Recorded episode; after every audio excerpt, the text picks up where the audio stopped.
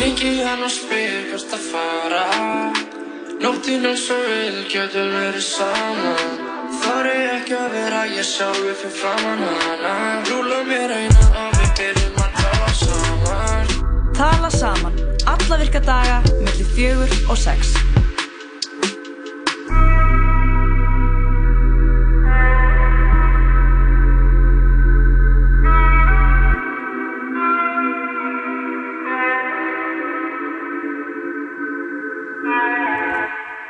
Já, tala saman hefst hér á þessum uh, ógæta 15 dags síðdeis degi. Síðdegis. falla, í þessu fallaða síðdegi. Heldur betur. Við verum hérna með ykkur Jóhann Kristófer og eh, Birna Marja í dag. Já, Lóa farin til Sviss.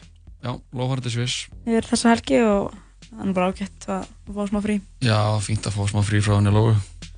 Og uh, við erum með pakkaðan þátt í dag Heldur betur. Fort í F5 dagur, við höldum áfram í tónlistar þeman okkar en það er ákveðin svona ákveðin skila í þessi stað við byrjum fyrir tíu vikum að uh, spila alltaf lag, eða tónlist helga öllum 50 uh, einu ári frá árunum 2000 og uh, núna er að koma árunum 2010 Mhm. og uh, ef við förum að spila lög frá árunum 2011 þá er verður ekkert 40 að 5 daga sko. þá er bara eins og við spila lög frá í síðustu viku þannig að ég held að við tökum núna tv- 2010 og síðan dettu bara aftur til 90 eða eitthvað Já, ekki bara 60s eitthvað. já eða 80 jafnvel, sko. Já. að kannski 90 til 99 síðan 80 til Já. 89 Það hljóma vel. Ég held að séum komin ónálagt ef við erum farin bara í 2011, 12, 12 já og ég sammála sko 2017 og bara eitthvað eitthvað sko. En það er bakkar þáttur í okkur, það er alveg árétt. pakka þáttur, við fáum Jón Kristinn sakfræði sérfræng þáttarins já, já, já. sem, uh, já, hann verður með einhverja veistlu á bástálum og uh, Jenny Kristinn kemur hana til okkar eftir örskamastund að segja okkur frá uh, Riff og, og svo ætlum við vekja aðtegla á lofslagsverkfallinu sem hefst á morgun Já. allsherjar verkfallið þarf að Einmitt. segja. og hún kemur hana Jóna frá stóðundaráði og ætlar að segja okkur frá því. Mhm. en uh, við erum alltaf bara í stuði líkt og allar að daga Já, er, þú varst nú í gæri að segja að við ættum ekki að vera, vera í stuði og varstu, Eh, nei, ég var, að segja, svona ég var frekar, að segja að við værum uh, ég er ald, hef aldrei mælt gegn því að við ættum að vera í stuði. Ég var að segja að okkar helsta degið væri ekki að ha halda mjög glöðum sem var að hlusta að koma fólki í gott skap. að koma fólki í gott skap? Nei, skulum veist, ekki er gera bara, það er bara cherry on top. Þú náttúrulega bara skiptur um skoðan á hverjum degi, Jón minn. já, það er alltaf ekki að marka það sem mér finnst. En uh, við slum byrja í uh, á tónlistfrárunum 2010 fáum við nætt uh, klassískt lag. Þetta er uh, Young Money kollektífið, lagið heitir Bad Rock. Ok.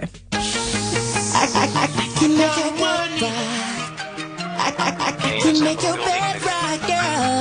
I, I, I, I can make your bed rock. I, I, I, I can make your bed rock. Uh, she got that good, good. She Michael Jackson bad. I'm attracted to her for her attractive ass. And now we murderers because we kill time. I knock her lights out and she still shine. I hate to see her go, but I love to watch her leave. But I keep her running back and forth. Soccer team, cold as a winter's day, hot as a summer's eve.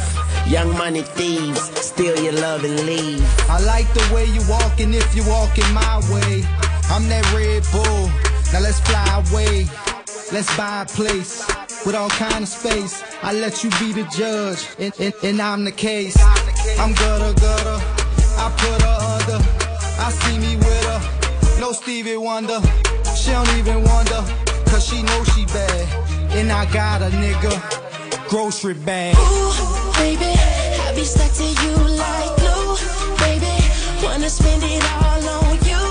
Baby, my room is the G spot. Call me Mr. Flintstone. I can make your bed rock.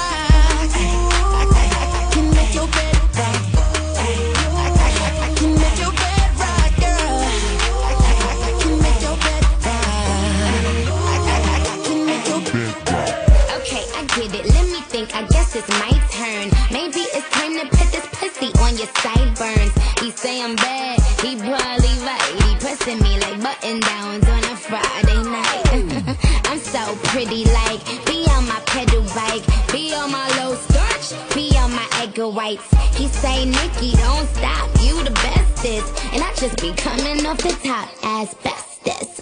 I love your sushi roll. Hotter than wasabi. I race for your love, shake and bake, Ricky Bobby. I'm at the W, but I can't meet you in the lobby. Girl, I gotta watch my bag, cause I'm not just anybody. I seen him stand in line just to get beside her. I let her see the Aston and let the rest surprise her. That's when we disappear and you need GPS to find her. Oh, that was your girl? I thought I recognized her. Ooh, baby, I be stuck to you like on you, baby. My room is the G spot. Call me Mr. Flintstone. I can make your bed rock. I, can make your bed rock. I- can make your bed rock, girl. I- can make your bed rock.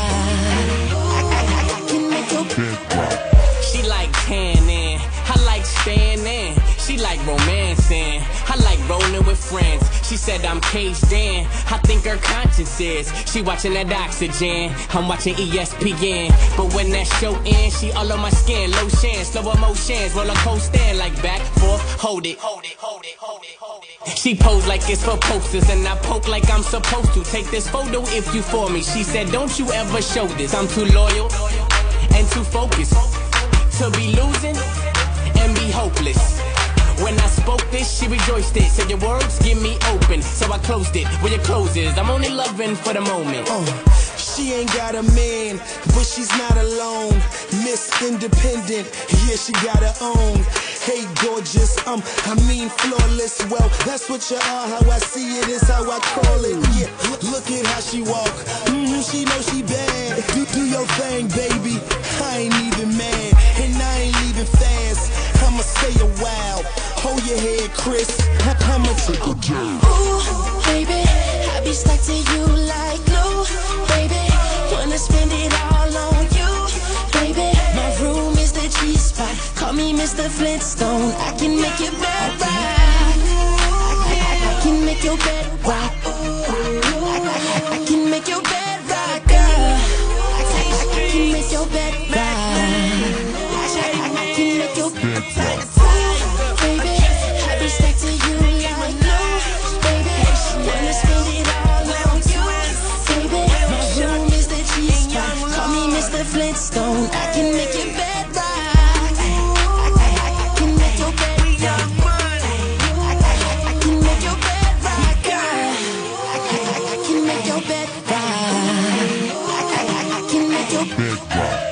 Young Money í lagið The Bedrock frá árið 2010. Þetta er tónlistað þeim okkur í dag. Þetta er herrans ár 2010.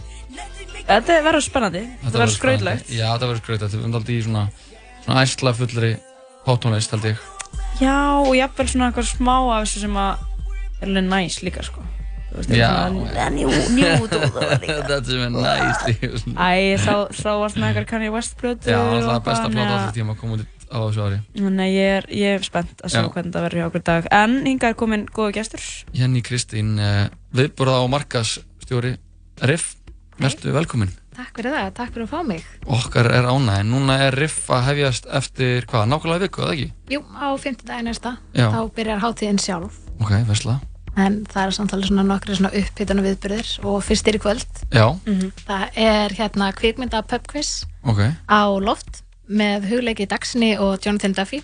alright. Þannig að bara það kombo ætti að lofa veistlu, sko. Já, Um og er eitthvað þema, er, bara, er þetta Það bara... er bara kvikmynda, þú veist, þeir sjá algjörlum. Ok, wow, nice. Þannig að verður Kvikmynda svona, þema, það er mjög, þetta er alveg Um, vítt. já, Já, svolítið- það er svolítið stórt hugtak, sko. að- Já, en pæli hvað sem þetta er næs að fara og standa sér vel bara svona á bara kvikmynda pubquizi sem bara tekur á öllum kvikmyndum. Þannig Já, að maður getur alveg farið út bara með höfuð hátt, sko, maður, ef maður skilja einhverjum stigum í hús, sko.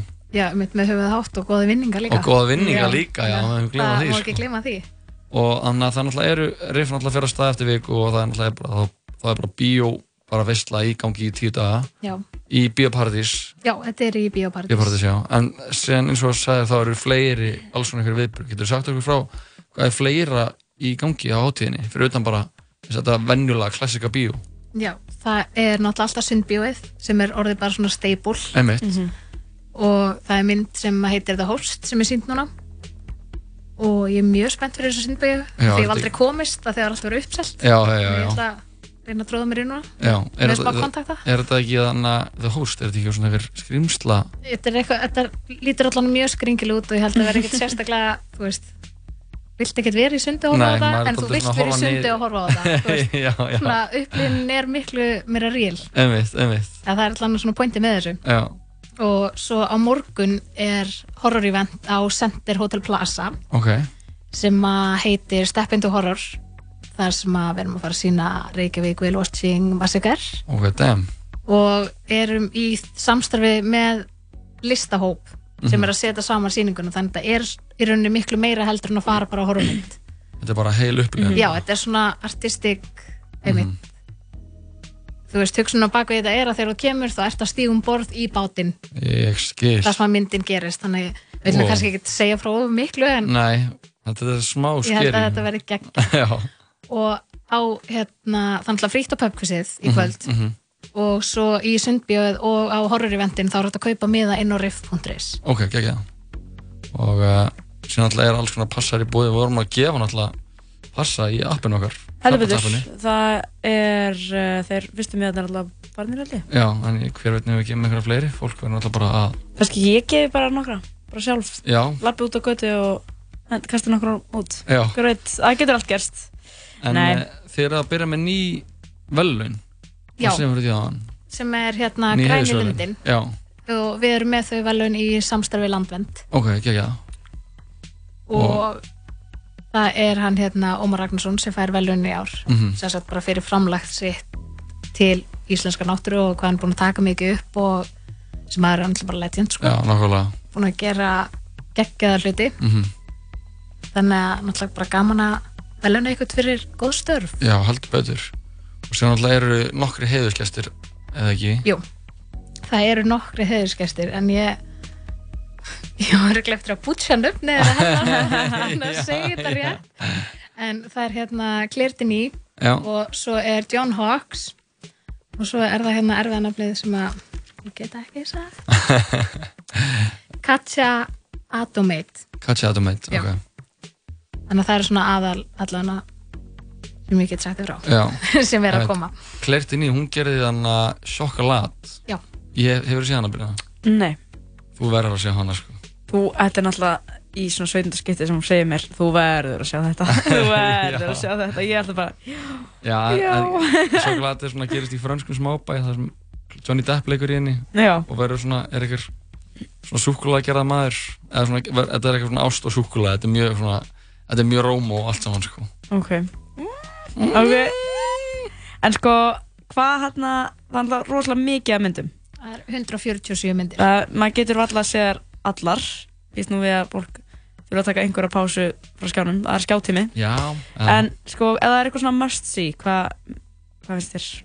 Hvað færa þinn lista? það feppar svo rosalega mikið eftir því hvar áhugaðsviðið liggur Mhm. en eins og núna í ár þá er hérna fókusin á horrormyndir þannig að við erum alveg með fullt af geggjum horrormyndum og erum með, sem með horror marathon 2007. sem í hérna Bíóparadís Já. það sem eru bara horrormyndir frá nýjum kvöldið til þrjú um morgunin Mhm. í tveimur sölum Ég held að ég komist ekki þá Ég, hérna Ég Ég. Kannast ekki Ég get ekki, hérna það er eitthvað sem ég get ekki Bara svona reytinsmyndir, sko Same. Ég held En margir aðrir. sko. Já, við ættum kannski að gera það og vera bara allan tíman bara, Bara stjarfar af hræðslu. bara pissa á okkur Já. En ég meina, það er fínt að challengea sér stundum. Ég allan að þarf að gera það þegar kemur af þessu því ég er gælan sem sit þarna með lokuð augun og held fyrir eirun Já. af því ég meik ekki sko hljóðin Nei, Það bara alltaf skítrættu það sko með hryllingshljóðin. Já, En hver er? Er það hann, uh, end of sentence já, sem John Hawkes, eða hvað, nei? Jú. Jú, jú, jú, John Hawkes, heiðarskestana. Já. Hvernig, hvernig mynd er þetta? Opnumyndin Já. Það er bara mjög góð spurning Já, það Já. veit það enginn Nei, það er bara Það er líka fínt að að vera ekkert að, að sko, Nei, maður vill náttúrulega ekki segja um mikið að revíla of miklu. Já. En hún heitir End of Sentence og hvenær er opnunar, er ekki svona opnunar háttíða? Jú, opnaháttíðin er eftir viku Ok. þannig að opna myndin er sínd í háskóla bíó Ok, ok. sem er, þú veist, það er einu viðbyrjun sem er þar er opna myndin Mhm. og þar sem er svona Q&A og svona eftir myndina Einmitt. þar sem að hann einmitt er að svara spurningum Já. og það, hann er með honum hann að hann er alveg lost við þess Eitthvað góðu gestur sem er að stjórna mjög þá. Stjórna þá. hann hérna Elvar Aðalsteins Já. Þannig að það er íslendingur sem er involveraður í þessa mynd þannig að það er náttúrulega tilvæglega að það sé opna myndin Já, já, já. þess fyrir náttúrulega íslensk kvikmyndhátíð Nákvæmlega Reykjavík International Film Festival. Já. Ef Fólk var eitthvað að skauta á því, sko. Hefur þú farið á Byrna? Mm, nei, ég held ekki. Nei. Ég sótt þetta mikið á mínum yngri árum, sko. Já, ég... Bara að tala með þessu svo, svo gamall, sko. Þannig Já, þegar ég var ung Já. var ég alltaf voru Já, við erum ekkert mikið. en nei, þetta er eitthvað sem að, ég eftir, ég náttúrulega er, þú veist alveg Jóhann, ég er ekki mikil bíómanneska, sko. Nei. Ég vil bara vera með garantíða góða mynd fyrir fram og ég held að þarna, ég veit, ein mynd sem varst að segja mig frá þann, það var Push myndin. Já. Sem er svolítið svona, maður heldur að þetta sé eitthvað svona, ég veit ekki, eitthvað dópmynd eða eitthvað svona, hljóma svolítið þannig sko já, svona mission í gangi, sko, en þetta er, þetta er þarna, þetta er ekki svoleiðismynd, heldur einhver svona um húsnæðisverð. Þetta er sem sagt, þú veist, um svona húsnæðismarkaðin, þetta er heimildamynd. Já. Vona ég sé að fara með rétt mál. Að þetta er þetta heimildamynd. Tókum engar ábyrð á því. Nei, að það sem er verið að tala um, þú veist, það er alltaf að hækka húsnæðisverð, en ekki laun. Mhm. Og, hérna, og að, þú veist, mannréttindin eru, að, þú veist, lífsnausin eru og þurfu þakka yfir höfuðið. Mhm, mhm. Og allan svona til að gera svo langa sögu stutta, það var ráðhverja Danmörku sem sá þessa mynd og breytti lögum í Danmörku. Vá. Þannig að þú veist, það er bara að krossa fingur að einhverjum íslenski ráðherrar Já, já. kannski fylgi hans fordæmi, Já, það væri já. alveg fínt sko. Það væri ekkert verra en einhver myndi aðeins. Nei, þeir, þeir þurfa nú bara að horfa á eina mynd, sko. Já. En Og svo taka málið. bara afstöðu. Að þú veist, eins og á svona hátíðum þá eru myndir sem hafa áhrif Mhm, og þú lærir alls konar, þú veist, það er náttúrulega gaman að fara á Hollywood mynd í bíó en það er kannski ekki, þú veist, þú horfum myndina og hún geggjuð en þú lappar kannski ekki endilega í burtu með eitthvað. Nei, nákvæmlega. Mhm. Ég er alveg fyllilega samanlega, sko. Ég er bara að grenja yfir myndum og hleyði myndum og riff og, og það sem er líka gaman uh, hefur mér fundist vera er að fara bara á einhverja mynd. Mhm. Þú veist, þá oftast um leið og ég fer á einhverja mynd og er eitthvað, já, ég ætla að fara að sjá þessa mynd, ég held að hún sé einhvern veginn eða einhvern veginn. Mhm. Þá yfirleitt, þá er, verð ég fyrir vonbröðum, en ef ég fer bara og veit, les sem minnst um myndina, fer bara á eitthvað, þá er, þú veist, líkanum að mig að, þú veist, að ég verði bara komið virkilega óvart, sko, eitthvað komið óvart Mhm. og maður verði bara, Alltaf að maður horfið svona á hana bara með, þú veist, bara gaggrinum augun. Maður er ekki búinn að fá eitthvað svona, já, þetta er svona. Æ, hún er samt smá svona. Það er sko geggjumynd þú verður að Já, sjá hana. Og þá ertu alveg búin að ákveða þetta sé geggjumynd og búin að setja þér eitthvað væntingar. Mhm. en þess nefnir, þú veist, vil ég kannski ekki vera að kjafta mikið frá myndunum, Mhm. einmitt út af þessu og fólk verður bara að sjá þetta út frá sínu sjónarhóndum Já, og sinni einu upplifun. En er þú mikil bíókona? Sko, ég tek svona köst. Köst alveg? Já, þú veist, þá fer ég kannski í bíó en ég man ekki jú, ég man hvernig ég fór síðast í bíó og það var að lof mér að falla Ok. Já, ok. þannig að það er alveg ásíðan í Það er rosa langt En- síðan. En mér til varnar, þá er ég að fara í bíó svolítið rosa mikið Já, þú næstu dagana, sko Já. Þú ert bara að spara. Já, Spara augun. já, spara, Spara skjátíman Það er ágríns. að Nákvæmlega. spara skjátíma. Jenny, það var aðeinslega að fá þig í viðtal Já, heyrðu, takk kærlega fyrir að fá mig bara og við hlökkum bara til að fara á riff. Já, Fyrir og að þú ert að fara að sjá ég er einhverja að random bingja, mynd, sko. ég er bara að bingja bara riff. Þú ert allan að fara að koma með mér á puss Við erum að fara hana saman Ég er mjög til það. Við mælum bara með að fólk, uh, já, það, aldrei vita hvort það koma einhverju fleiri með þér í sambandsappið. Það er hver veit. Ef Eða fólk hvort er ég í- kastið þeim eitthvað þar út. Er í er úr vasanum. Birna, kastingar með út, en annars er bara þetta nálgast með á text.is eða ekki, eða riff.is. Það er á riff.is. Og helstu upplýsingar líka. Ég sé þetta allt einna. Herru, við ætlum Ógæslega að- mikið af myndum. Ótrúlega mikið af myndum. Við skulum ekki segja ógeðslega. Það er ótrúlega mikið myndum. Mér langar að spyrja þetta lag uh, af uh, ég ætla bara að fullera þetta er besta pláta allra tíma. Já, ég skal bara vera þér. Dark Twisted Fantasy með Kanye West. Og uh, það kom svo skemmtileg grein um daginn eða svona ég sá okkur að vísun úr uh, æfirsögu Rick Ross sem var að gefa hann æfirsögun út. Og það sem hann var að segja frá því þegar hann tók upp versið á þessu lagi. Þannig að við slum hlýða þetta Þetta er lægið Devlin og New Dress með Kanye West og Rick Ross. Uh. Uh.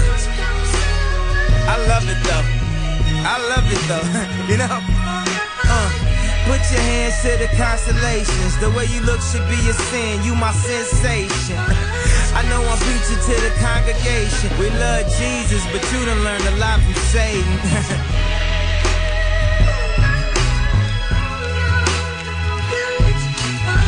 I mean, a nigga did a lot of waiting. We ain't married, but tonight I need some consummation. May the Lord forgive us, may the gods be with us. In that magic hour, I've seen good Christians make rash decisions. Oh, she do it. What happened to religion? Oh, she lose it. She putting on her makeup. She casually allured. Text message breakups, the casualty of tours. How she gon' wake up and not love me no more? I thought I was the asshole. I guess it's rubbing off. Hood phenomenon, the LeBron rhyme. Hard to be humble when you stunting on a jumbotron. I'm looking at her like this what you really wanted, huh? Why we argue anyway? Oh, I forgot it's summertime. Put your hands to the constellations. The way you look should be a sin. You my sensation. I know I'm preaching to the congregation. We love Jesus, but she done learned a lot from Satan. Satan, Satan, Satan. I mean, your nigga did a lot of waiting. We ain't married, but tonight I need some consummation. When the sun go down, it's the magic hour. The magic hour. And out of all the colors that'll fill up the skies, you got green on your mind. I can see it in your eyes. Why you standing there with your face screwed up? Don't leave while you're hot, that's how Mace screwed up. Throwing shit around the whole place screwed up. Maybe I should call May so he could pray for us. I hit the Jamaican spot at the bar, take a seat. I ordered your jerk, she said you are what you eat. you see, I always love a sense of humor. But tonight you should have seen how quiet the room was. The Leo Cone, a Dior Om, that's Dior Om, that Dior homie. The crib Scarface, could it be more Tony? You love me for me, could you be more phony? Put your hands to the constellation. The way you look should be a sin. You my sensation. I've said a word. I've said a word to me this evening. Cat, get your tongue.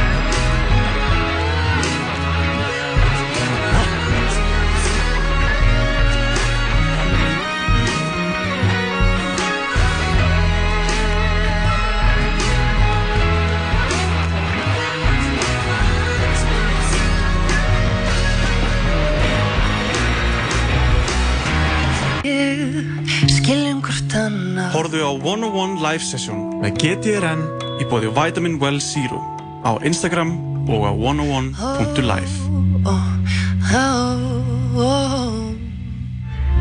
Á lista yfir 50 bestu myndir ársins að mati Evrósku kvikmyndaakademíunar. Hvítur hvítur dagur, komin í bíó. Hamburgerabúla Tómasar, Ísland, Ísland, áfram Ísland. Hamburgerabúla Tómasar. Ekki verða batteríslaus. Mundu eftir hleðslu. Hleðsla. 100% hágæða próteinryggur. Here I come. Anybody order fried sauerkraut? Nýjunda kvikmynd Quentin Tarantino. Leonardo DiCaprio. I'm Rick Dalton. Brad Pitt. Here comes trouble. Charlie's gonna dig you. Once upon a time in Hollywood. Komin í bíó. Hlustaðu á okkur á netinu á 101.live Jó, Já, já, já, já, sittum við að tala saman hér. Vorum að hverja hana Jenny Kristínu sem uh, er markaðs og viðbörastjóri RIF, Reykjavík International Film Festival sem byrjar eftir nákvæmlega viku. Og uh, NKL. ég, ég er bara peppaður fyrir því sko Heldur betur, svo er eitthvað pubquiz í kvöld. Pubquiz í kvöld Huppi, uh, hulli, heitir hann, hulli. Huppi með huginn og herra hnýttismjör Nei, huginn, eh, nei, Hugleikur Dagsson og Jonathan Duffy er með pubquiz á Loft hostel í kvöld. Um kvikmyndir. Um kvikmyndir. Við í andi og uh, svo er það er bara hellinga viðbörum hryllingsmynda þema í ár þannig að við manna bara mælum með að fólk sem hefur áhuga á kvikmyndum og líka fólk sem vil aðeins bara expand their sko, horizon. Horizon. Að kíkja á það. En uh, það er 40 að 50 í okkur í dag. Heldur betur.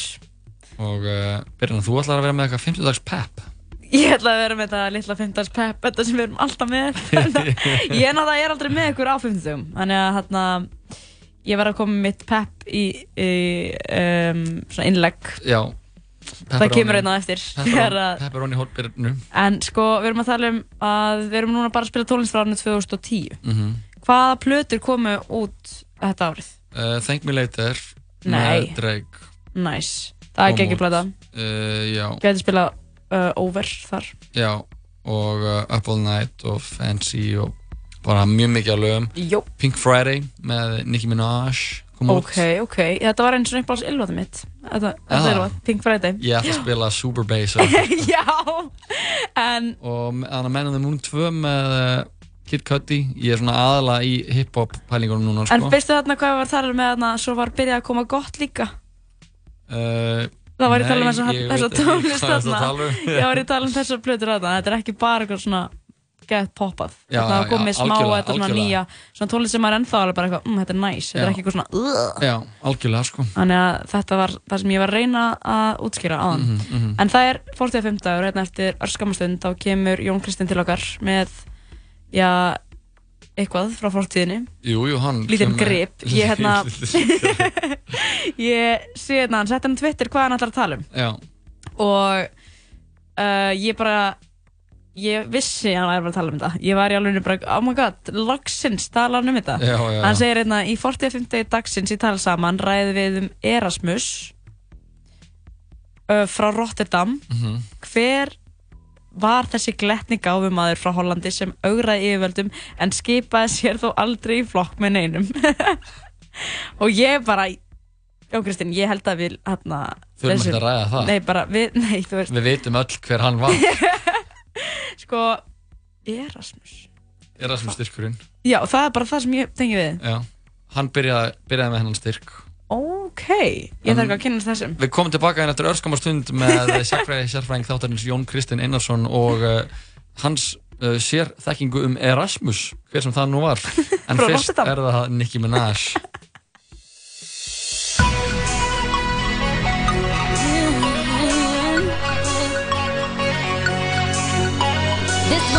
Boys with the booming system. Top town AC with the coolest system. When he come up in the club, he be blazing up. Got stacks on deck like he's saving up. And he ill, he real, he might got a deal. He pop bottles and he got the right kind of bill. He cold, he dope, he might sell coke. He always in the air, but he never fly couch. He a motherfucking drip drip, seller or the strip strip. When he make a drip drip, kiss him on a lip lip. That's the kind of dude I was looking for. And yes, you'll get slapped if you're looking hoe. I said, excuse me, you're a hell of a guy. I mean, my, my, my, my, you're like pelican fly. I mean, you're so shy, and I'm loving your tie. You're like slicker than the guy with the thing on his eye. Oh. Yes, I did, yes, I did. Somebody please tell him who the F I is. I am Nicki Minaj, I mash them dudes up. Back coops up and drop the youth up.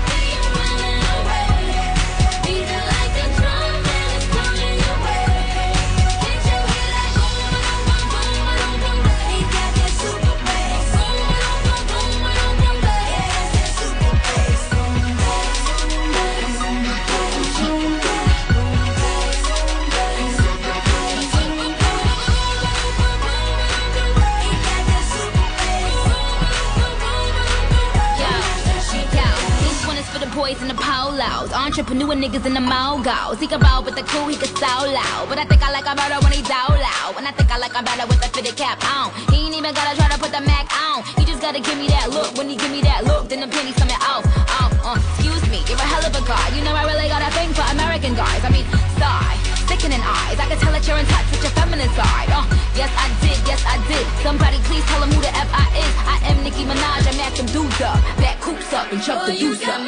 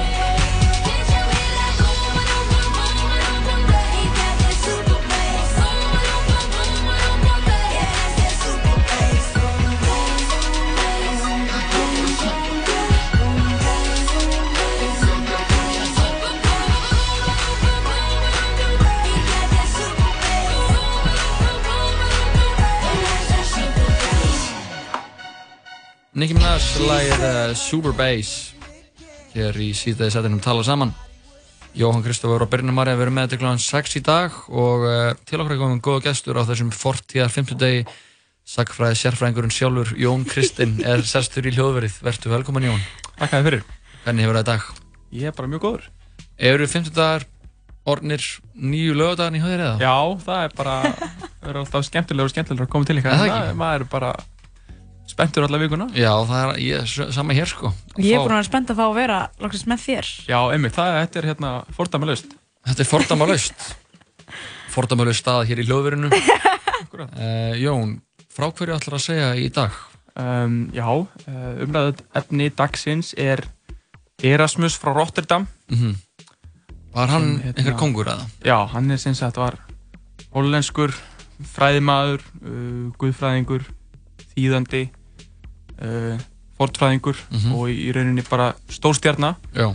á, á fyrirluta 16. aldar, það snemma á 16. öld og sem sagt sko hann er um, við vitum, sko hann kallaði sig Erasmus Rotterdam en við vitum í rauninni ekkert um hvort hann er frá Rotterdam eða ekki, við vitum að hann er skýrður eftir heilugum Erasmus Mhm. sem er sem sagt, verndardýlingur sjómanna og magakvæsa það er en dyrlingur sjóveikra og magfeysa Já, það eru til dýrlingar fyrir allt mögulegt sko þetta var ákveð að bæta þess á hann. Bara, hann er bara dyrlingur þeirra sem eru sjóveikir og eru mildt í maðunum Já, en Vá, við sem sagt veitum mjög lítið um hans uppvöxt og það er í rauninni með ráðum gert en hann er sem sagt prestsonur. Mhm. um, og, og það að vera sonur prests eh, inn í, í katholsku kirkjunni fyrir siðbót er, er ólöglegt.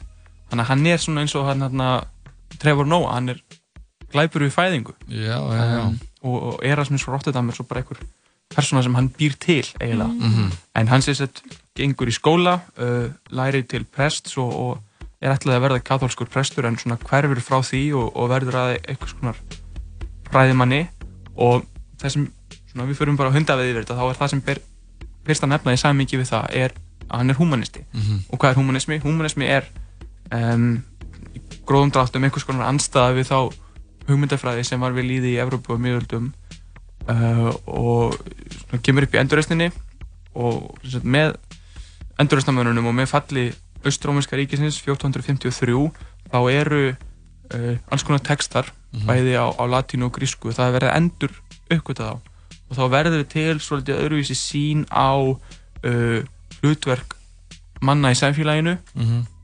sem að felur í sér mun meiri borgararlega þáttöku en, en tíðkaðist á miðöldum þetta er ekki svona smá svona skref frá þessu svona miklu stjæftaskiptingu og eða þetta ekki bara svona Jú, ég kannski aðalega meina sko í samíki við það að það, það sem nýtur mestrar virðingar á miðöldum er að það að gerast munkur og ganga í klustur og vera íhull og, og vera út af fyrir sig já, já. og einangra sig en í Já. endurreisninni, í humanismunum þá er borin meiri virðing fyrir því að vera aktífur borgari og taka þátt í samfélaginu Já, bara fá sér vinnu og Já, uppfræða aðra Já. og, hérna, og beita rökum og þú sem og það er þessi áherslu á hæfni mannsins Mhm. hæfni mannsins til þess að ráða úr úrlausnarefnum Mhm. um, þú veist, humanismi, þetta er í orðinu þetta Já. er, svona, þetta er einhver áherslu á atbeina mannskepnunar Nákvæmlega.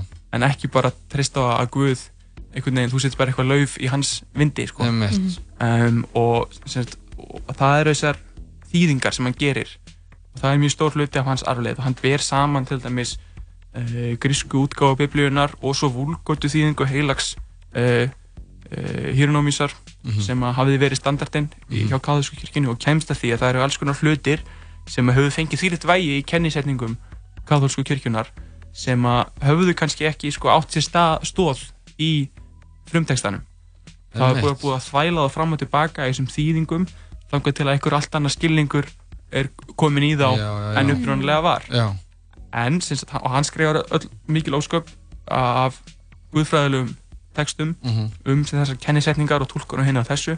En það sem hans er kannski helst minnst fyrir er og það sem hefur lifað helst er þetta rið sem heitir uh, Lof heimskunar uh, Moriai Encomium Praise of Folly það er hérna, einhverju kannasti þann titil. Já, já, Um, já, sem hann segist að hafa skrifað í, í hálfkeringi á einni viku í Englandi Mhm. í heimsóknu og vinninsinum Thomas More en það hefur svo sem verið dreigð í efa. En sem sagt, þetta er uh, ádeilur rita á latínu sem kemur út 1511 og, og það er sem sagt sko, heimskan þar sem er að mæla sjálfur sér lof að hún sé fórsenda hluta eins og hamingju til dæmis og þegar að líður áverkið þá fyrir lof heimskunar í meira mæli að beinast að kennisetningum katholsku kirkjunar Ok. og, og þetta er sem sagt á þeim tíma sem mótspyrna gegn ástandinu innan katholsku kirkjunar var farin að myndast um, og, sem sagt, og ástandið sem er þá um að ræða er að uh, mörgum þótti kirkjan að vera uh, spilt, uh, rótin einan Mhm. uh, og þetta er kannski byrtist hvað er best og frægast að dæmið er þessi avalátsbref sem að verða svo upphafið að siðbót Martins Luther nokkrum árum síðar, þar þú gast keft aflátsbref frá kirkjunni syndaaflaust. fyrir syndaaflaust og svo var hægt að kaupa til þess bref fyrir föstur, ef þú vildir borða mat á, á föstu tíma þá gastu keft bref fyrir það Á þess að brjóta föstu þá. Já, það Já. er hérna, þetta er eitthvað sem getur kannski komið að gagni í dag fyrir Já. einhverja Já, já. og Erasmus skrifar, hann skrifar rítgerð um fiskgátt sem hann alltaf er eitthvað sem er talað fyrir, ekki mátt borða fisk sko Já. og hann finnst fiskur ógæslegur um, en hann einhvern veginn næra beina þessari gaggrinni gegn kirkjunni út í uh, meginströyminn Mhm. og, og lof heimskonar og önnur verk frá honum ná gífulegri dreifingu og hann verður hálfgerðun sem myndist á stórstjarna í. Evrópu og hann skilgrinni sig ekki sem hollending, hann er Evrópumöður, hann er heimsborgari og hann ferðast mikið og hann er alltaf að skrifa bref til vina sinna hinn á þessara fræðimann út um alla Európu Mhm. eins og til dæmis Thomas More í Englandi og um, hann er þessi maður einhvern veginn án og hann kallaði sig Erasmus Rotterdam en hann er einhvern veginn út um allt. Og það er enginn til að luna að skipta nema program Európusambandsins er hérna eins og þau voru eitthvað ræða á Jú, jú, jú. er einmitt kallað Erasmus. En hann hefur líka þennan sko kost eða ókost miðjumannsins, mentamannsins sem skipar sér aldrei í flokk með neinum. Mhm. og það verður hans vandi í siðbótinni. Um, þegar Lúther, þessi miklu aukamaður sko, Erasmus og Lúther, þetta eru svona áhugaverð rannstæðar, þeir eru einhverju litið sammála í því að gaggrina spillinguna og, og, og hófið Mhm. innan katholsku kirkjunar en á sama tíma ertu með Erasmus sem er þessi litli uh, pervistni maður um, sem var alltaf lasin og veikburða og mjóróma og svona það verðist sem Stefan Zweig segja það í æfisögu sinni um Erasmus að að verðist bara sem öll hans orka hafi farið í að halda heilabúinu gangandi, hann þarf að drekka stert vín til þess að fá el í kroppin Mhm. í sinni köldu vinnust- vinnustofu og er alltaf að lesa og lesa og lesa og skrifa þessi bref og gefa út þessi rit og hann er einhvers konar svona einhver segfljótandi heili sem að byrtist Mhm. Evrópumönnum bara í þessum þaul útúksuðu uh, bókmynda og, og fræðiritum og hann tekur aldrei sko, upp málstæðan eins, heldur vill hann styðjast við rök og, og fræðileg vinnubröð hverju sinni en svo ertu með Luther, hann er stóra og, og mikla mann uh, sem gengur inn í herbyggi og bara tekur það yfir, þegar hann tekur til máls þá glimur í öllu húsinu og hann Mhm. þarf margar krúsir af öli til þess að kæla sig niður. Já, já, um, og hann svona svolítið tekur yfir þessa baróttu sko. En þetta er svolítið uh, klassísk þróun. Fyrst Já. ertu með hann þessum djúb higna og íhugula fræðimann sem að byggir mál sitt á rökum og yfirlegu sem vekur aðtikli á ástandinu innan katholsku kirkjunar en hann má sín svo lítils gagvart öfgamanninum sem sér skrattan á veglu, það er fræg sagan á Lúther sem sér, hann er í ykkur fangelsi og sér skrattan byrtast sér fyrir fram þessu og greitir bleggbyttinu sinni í skrattan og ég held að það sé ennþá farið eftir sko bleggbyttinu actually um, og Erasmus verður á endanum undir og hann hann, hann vildi umbætur innan kirkjunar en hann vildi ekki fara gegn henni og stofna nýja kirkju eins og Luther endur á að gera. Þannig að það er ekki hægt að tala um Erasmus á þess að tala um Luther. En þetta er svolítið svona já, þetta er mikið efni en það, að það er kannski best að setja punktinn hér Já, í byli, já. taka upp þráðinn. Við ætlum að taka upp þráðan, þetta er fyrsta skiptið sem uh, segfræðihornið verður tvíliða. Já, og hérna taka upp þráðinn aftur næstu viku og tala þá um sem sagt Luther og siðbútina og, og svona svona svolítið uh, binda þetta saman sko. Og það deilur sem að þeir eiga svo í sko sem eru hérna út af fyrir sem í Þeir tveir bara Erasmus og Luther Já, Luther. en það er náttúrulega áhugaverið sko að þeir hittast aldrei Ah, um, þú meinar þau áttu í ykkur bífi. Já, að við hérna, komum betur á því Við komum betur á því Næstu viku. síðar en Jón, þakka kærlega fyrir. Þetta var bara eitt af... Takk fyrir mig. Þetta var bara eitt af betri hann að honunum. Já, það. Já, mér, þetta var að finnst kveikt. það virkilega áhugavert Þetta kveikti allan að mikið í mér, sko. Ég, maður, sé, Erasmus, sko, þetta er einhver, þetta er einhver felli, sko. Já, hann er eitthvað, einhver staðar er hann, hann að eiga- liggja okkar rætur saman. En uh, við hverjum þið Jón og uh, bjóðum áttu velkomna viku. Já, liðinni. takk hérlega fyrir mig. Og uh, hlustum á smá músík og uh, höldum síðan bara áfram í spjalli. Það er, þeim árið okkar í tónlistin í dag er árið 2010 og uh, já, hérna er eitt klassíst frá árinu 2010 DJ Khaled, hann var að gera virkilega gott á þessum tíma Já. og uh, að, þetta lag heitir einfallega All I Do Is Win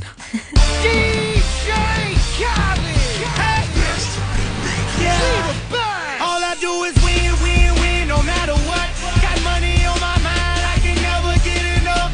And every time I step up in the building, everybody hands go up. And they stay there,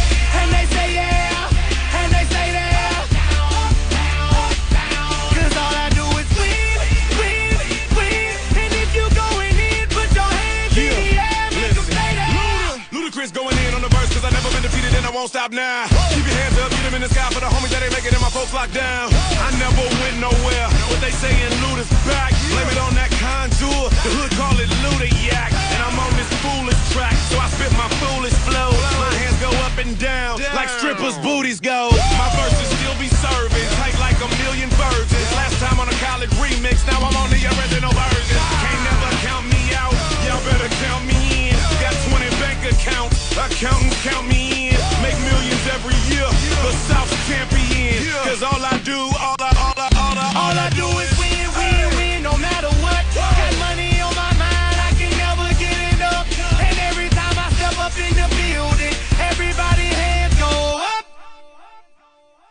they stay there. And they say yeah. And they say there. Cause all I do is win, win, win. And if you going in, put your hands in the air, make 'em stay there. Swerving in my low low, head on a swivel, know serving me's a no no. Clean as a whistle as I pull out in my Rolls Royce, yellow bone passenger. They see it, they say oh boy. Tell Kelly back it up, my niggas call me loco. Down for armed trafficking, don't make me pull that fofo. Ask you what you laughing at, represent that mud life. Dirty money, bitch, you better get your mud right. We come together holding hands and holler hood life. We all strapping all black, it's like Bud Light. Riding to what? Cause we riding tonight. Night you riding with me cause you wasn't riding All I do right. is win, win, win, no matter what. Got money on my mind, I can never get enough. And every time I step up in the building, everybody hands go up. And they stay there. And they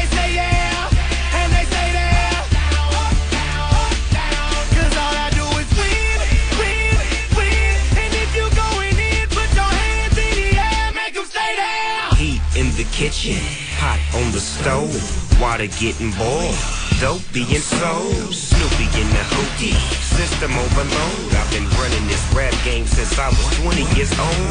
I hung with the worst of them, bust till I burst 'em up, floss 'em up, toss 'em up, harder work, close 'em up. Pardon me, I'm bossing up, brace you up, bless you, bro, don't mess with us.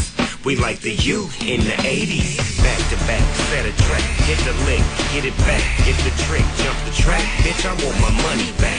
Time and time again, while I'm sipping on this gin. Al Davis said it best, just win, baby, win. All I do is win, win, win, no matter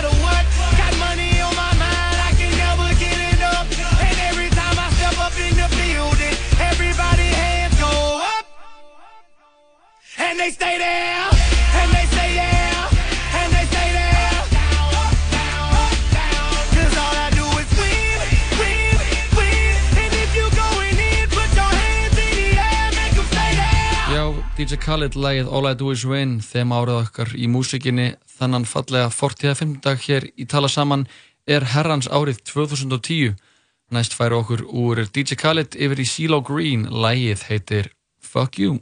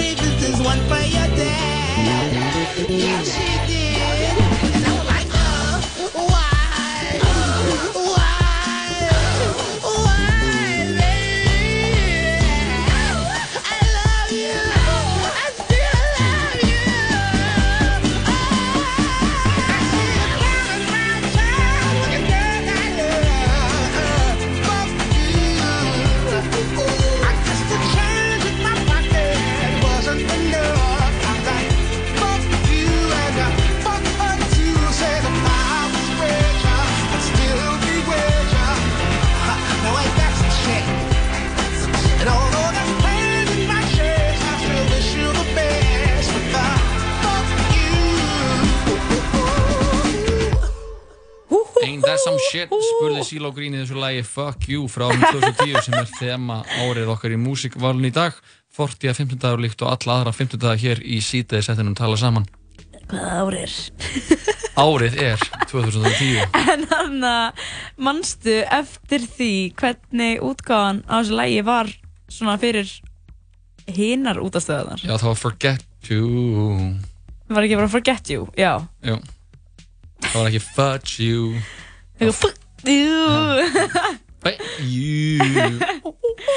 ah, Já, uh, en hvað það er gaman að vera með þér hérna Jóhann. Já það er gaman að vera með þér Birna Ég og og, þú. og ykkur kæru hlustundur sem er að keira heim ábyggulega Já, í bílunum ykkar.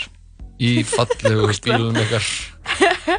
Eða kannski sitið þið bara heima og horfið út um gluggan og hlustið á gamaldags útarpstæki það verður líka gaman. Það væri reyndar, já, það væri skemmtilegt. Hvað ætla sé margir að gera það?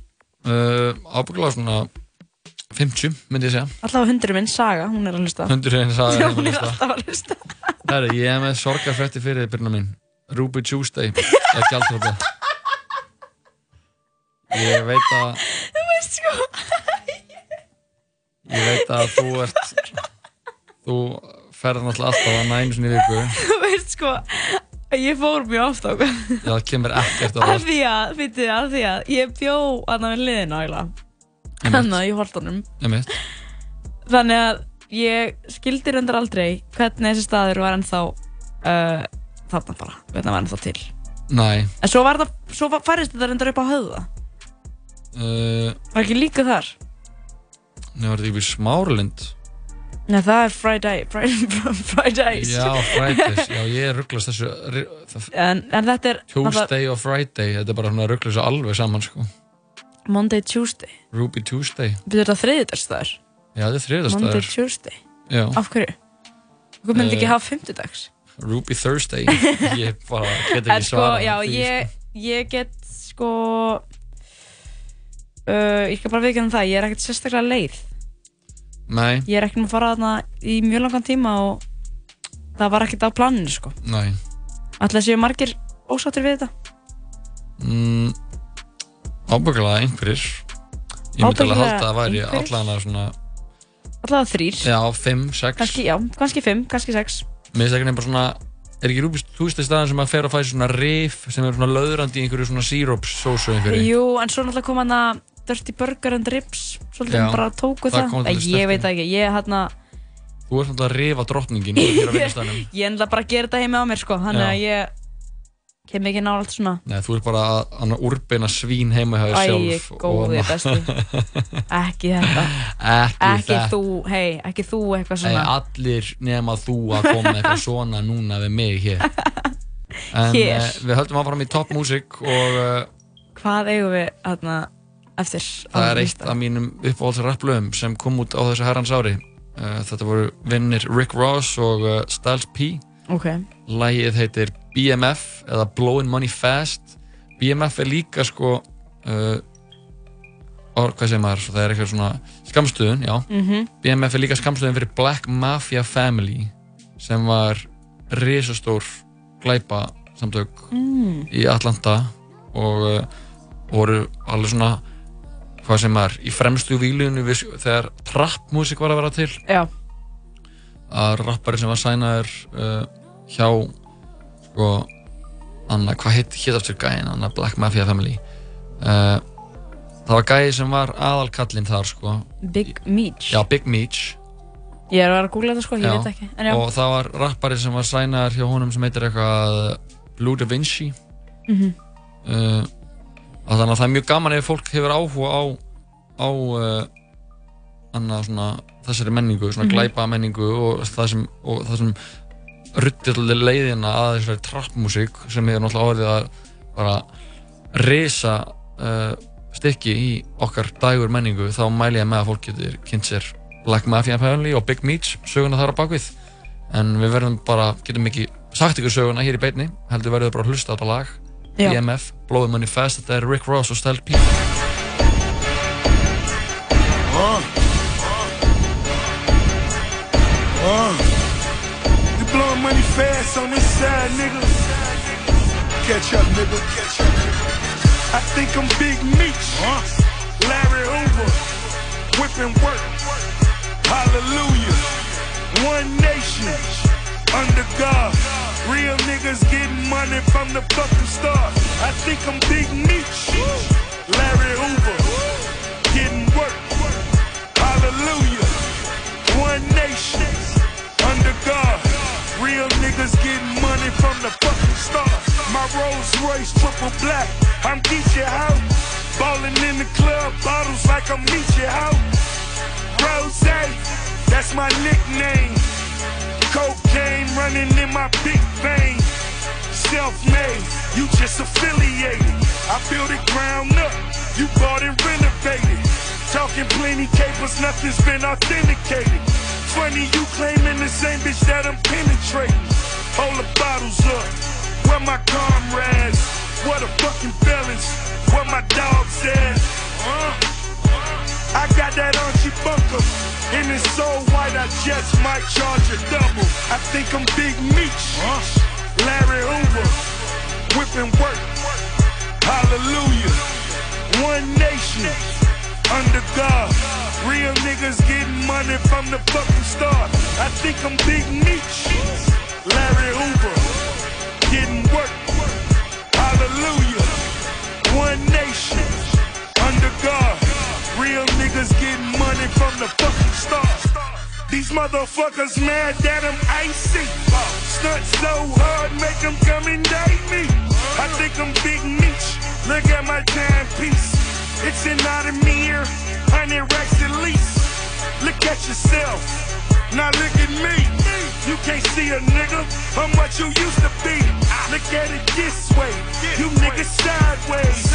Always getting money. My nigga crime pays. So fuck a nigga. I'm self-made. You a sucker nigga. I'm self-paid. This for my broke niggas. This for my rich niggas.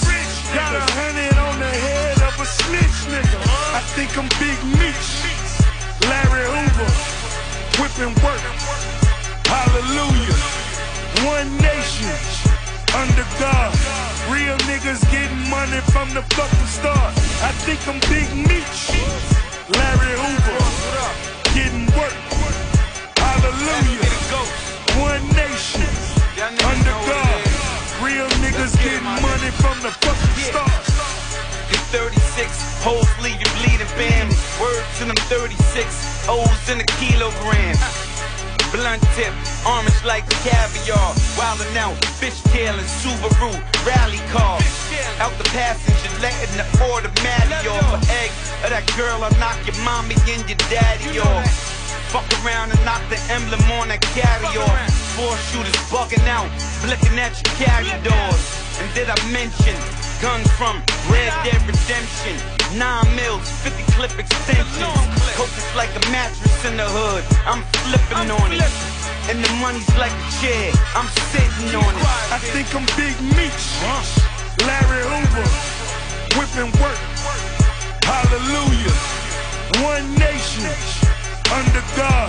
Real niggas getting money from the fucking start. I think I'm Big Meech, Larry Hoover.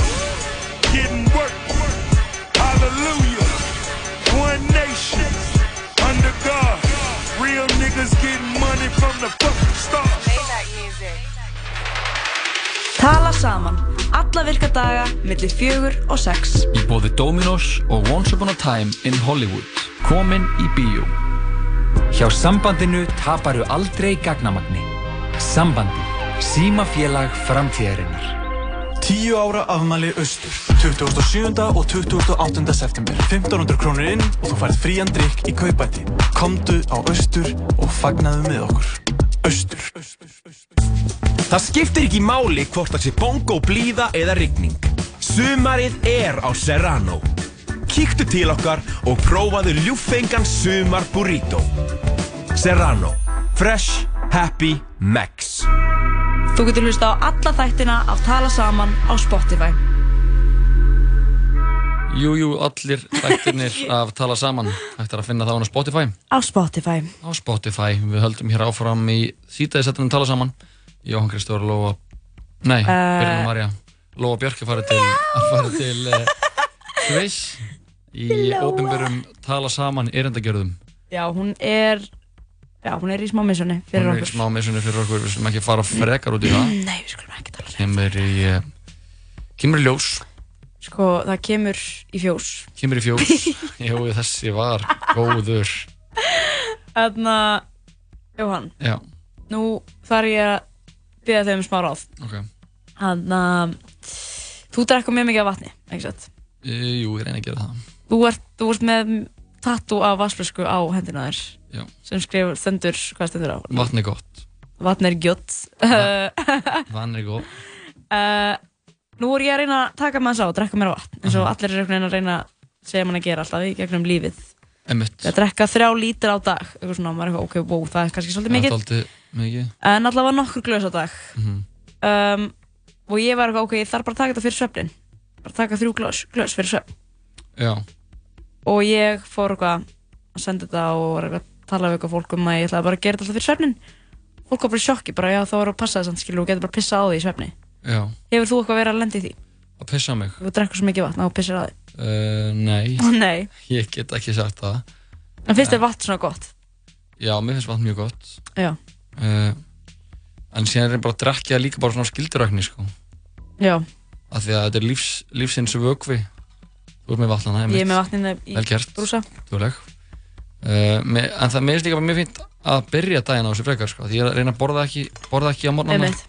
Þannig að bara, maður fer bara og það, er ekki að drekka eitthvað marga lítra vatn á dag Drekku bara Smá vatn. smá vatn. Maður er bara alltaf ofta að drekka eitthvað annað, skilur, maður er að drekka kannski eitthvað svona orkudrykk eða Já, bara kaffi eða eitthvað eitthvað Drekka minna einhverjum orkudrykkjum, drekka meira bara vatni Þetta er, já, þetta er fyrst að speppið, krakkar. Speppi Nei, ég fór bara að hugsa um þetta, því að minnst allir alltaf vera eitthvað svona pæli eitthvað, setja eitthvað reglur á vatn og svefn og, og mataræði og eitthvað svona. Jú, það er alltaf að vera það náttúrulega Þannig ég er að reyna að taka bara eitt skrif einu, bara þú veist, maður byrja bara einu og svo getur maður tekið vatnið og svo getur maður tekið svefnin og eitthvað svona. Já, bara þessi litlu skref Þetta er bara lítil skref.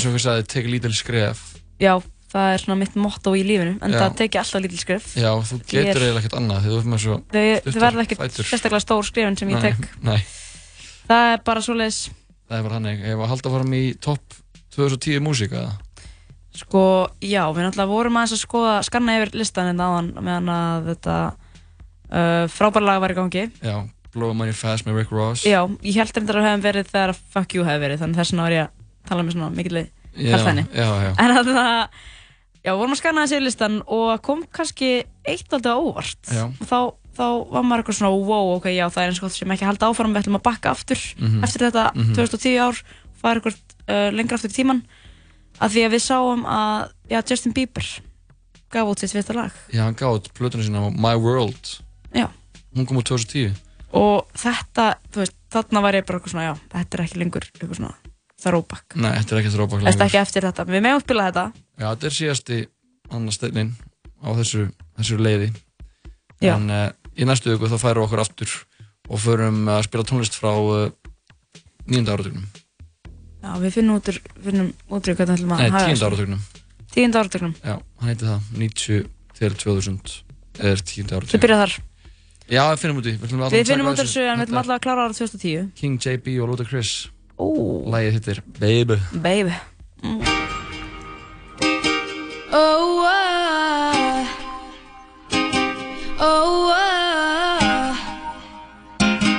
oh, oh, oh. You know you love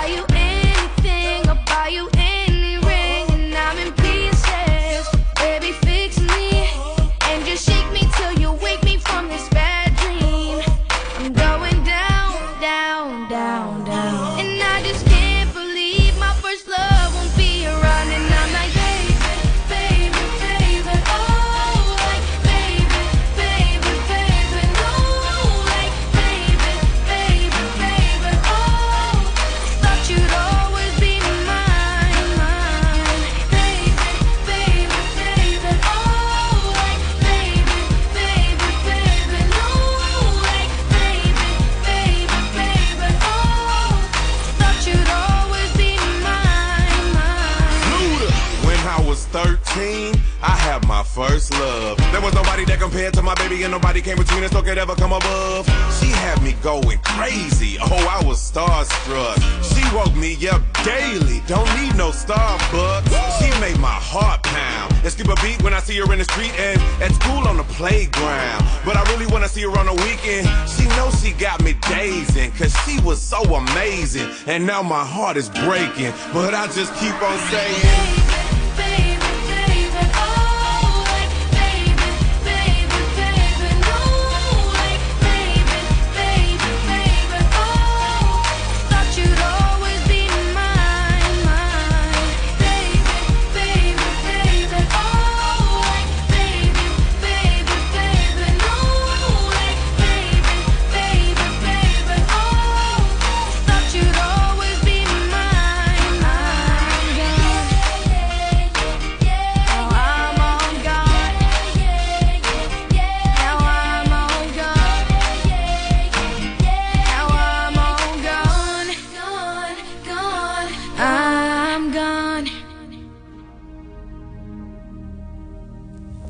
Já, Já. þetta var uh, Justin Bieber og uh, Lura Lura með lagi Baby á 2010 Þetta er sem næs lag. þeim árað okkur í dag Hvort þetta hefur, varst þú alltaf, minnst svona fólk á skipst í fylkingar annarkvort það er One Time eða Baby?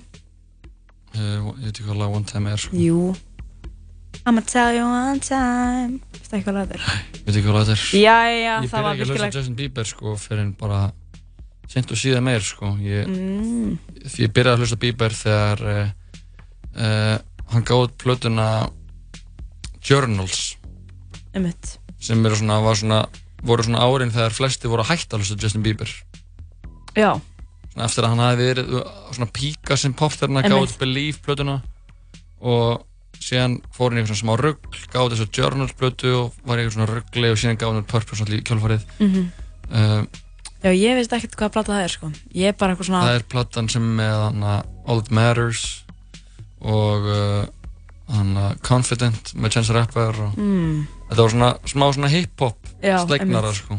Já, ég, það, þú veist, ég fór ekki alveg, fætt ekki alveg svona í grifina JB grifi, sko. Nei.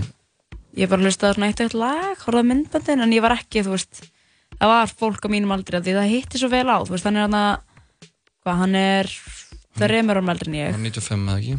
94, 94, já, já, já. Og hann er eitthvað svona að byrja þegar að, þú veist, ég er í áttunda bekk, Já, skilur, já. þetta er bara prime time. Já, það er bara þegar hormónir eru farin að segja til sín. Já, ég hormón er alveg á fullu stelpun er farin að hafa áhuga strákum og strákar af stelpum og og veist, líka minn er kannski bara að breytast. Líka minn er að klukka sem er allt í en þarna voru í. sumir uh, bara alveg, þú veist bara JB klippingin, það voru peysurnar. Svona, ekki mynd peysurnar heldur svona stílinn, þú veist svona lit, einlitu peysur, fjólubráð peysur með svona frekar svona feitum eða svona þykkum hérna reymum á í, úr hettunni. Já, já, svona hvít, hvít bönd þaðan og náttúrulega hans að sagga jafnvel líka. Já, ekkert það mikið samt, Ekkert allt of mikið, Það sko. ekkert- það kristilegt Hann alltaf er, hann er alltaf kristinn kongur sko. Hann er. Guðs barn Bókstaflega. Og það náttúrulega sést á öllum hans var hann ekki alltaf svona smá að sagga?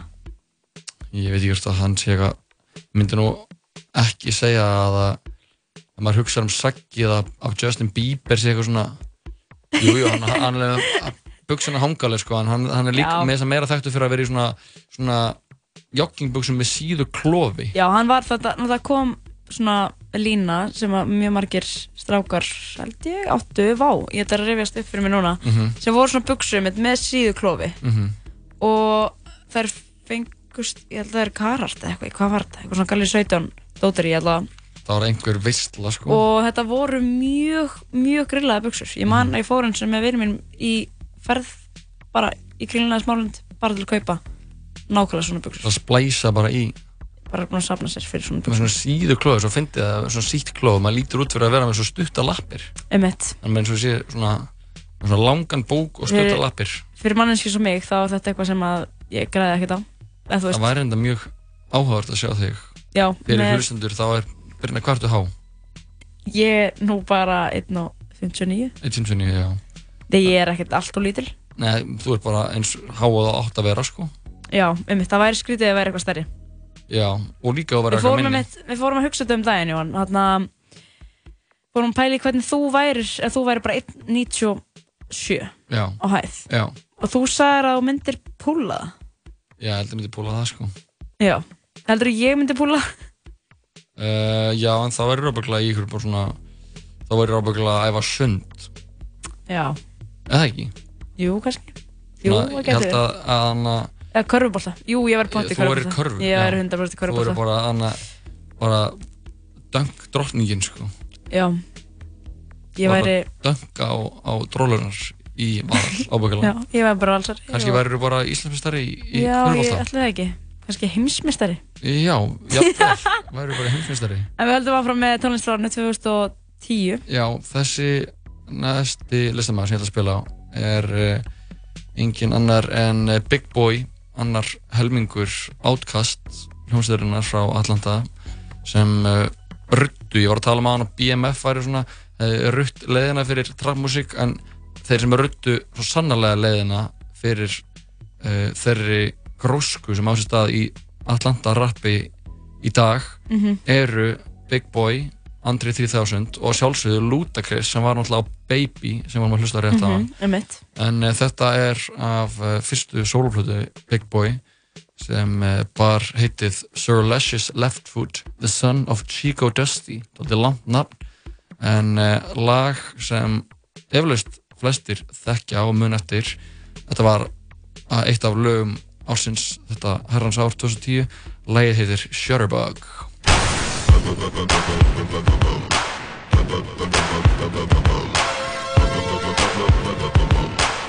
Thank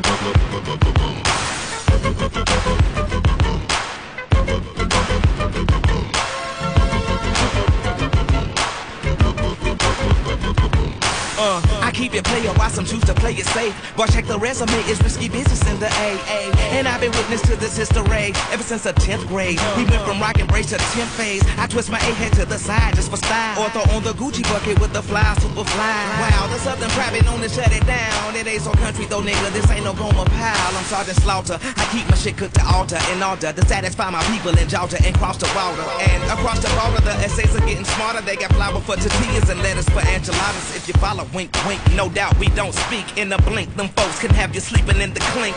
I'm shitting on niggas and peeing on the seat. It's the nigga to B I G B O I O U T.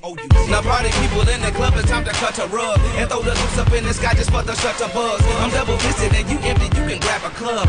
Boy, stop, I'm just playing, let me dap you up. Why?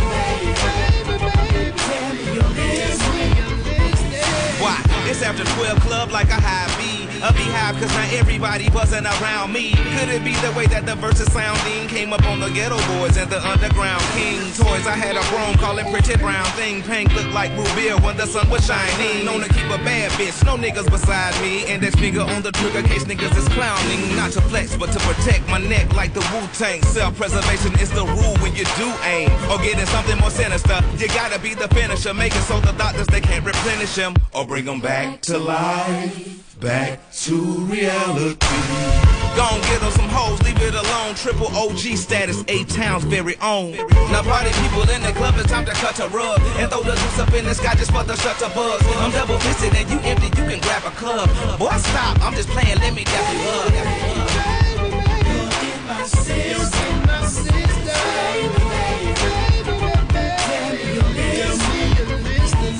Now this goes out to all my players in the back, sipping yak, bending round corners in the cut a rug, playing out, a rug. Throw your pieces in the sky for the shelter buzz. What you want? You make me wanna breathe, girl. Please rug, cut a rug. Pieces in the sky for the shelter buzz. Now party people in the club, it's time to cut a rug and throw the loose up in the sky just for the shut a buzz. I'm double fisted and you empty, you can grab a club. Boy, stop, I'm just playing, let me dap you up. No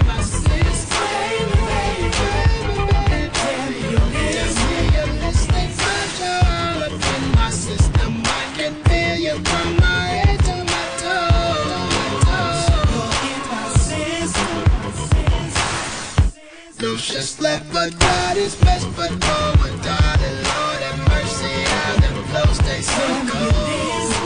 Já, þetta var uh, Big Boy Læð Shutterbug Mhm. Þetta er stemningslag Þetta er ste- stemningslag. Það er erfitt að sko fara ekki með svona axlinn á stað Þú veist hvað ég meina? Það er bara svona Það er svona kippast til öxlunni þegar við heyrum þetta lag Mhm. Þetta Eh, lag minnum mig bara á jazzballett sko. Já það, varstu að dansa jazzballett við þetta? Ég, uh, nei, svona uppbytun.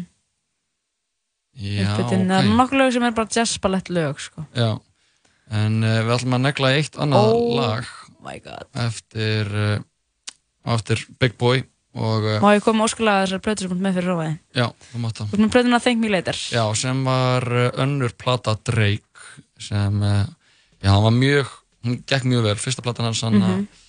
hvað er hann uh, sem hún kom út árið 2009 Um, okkur er, er við ekki með það núna?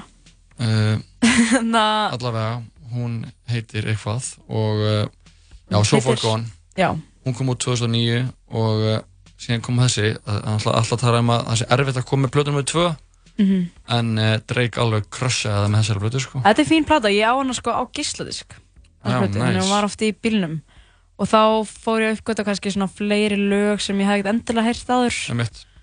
eins og hérna Firework með Alicia Keys. Með Alicia Keys, já. Það er með en ég ætla þó ekki, ekki að byggja um það óskalag. Ég ætla að byggja um uppáhalds, eða eiginlega uppáhalds dreiglaði mitt þannig að Over, já, þetta var þetta er bara geggjalag. Já, þetta er náttúrulega, þetta er með Kanye Mhm. og Lil Wayne og uh, er ekki reynd við búin á þessu? Þú veist það bara betur nýja Þetta er náttúrulega gert líka sko, var gert fyrir eitthvað svona LeBron James heimildamyndi eða eitthvað, þetta er svona, Er það hefur, hefur þessi vídeo, það er svona geða mikið eitthvað LeBron, það kemur allt inn á, þannig að inn á hans feril og þetta er gert ykkur sammikið við það, ég man ekki alveg hvert mengi var, en Mhm. uh, við tjekkum á þessu, þetta er Drake, lægi heitir Over.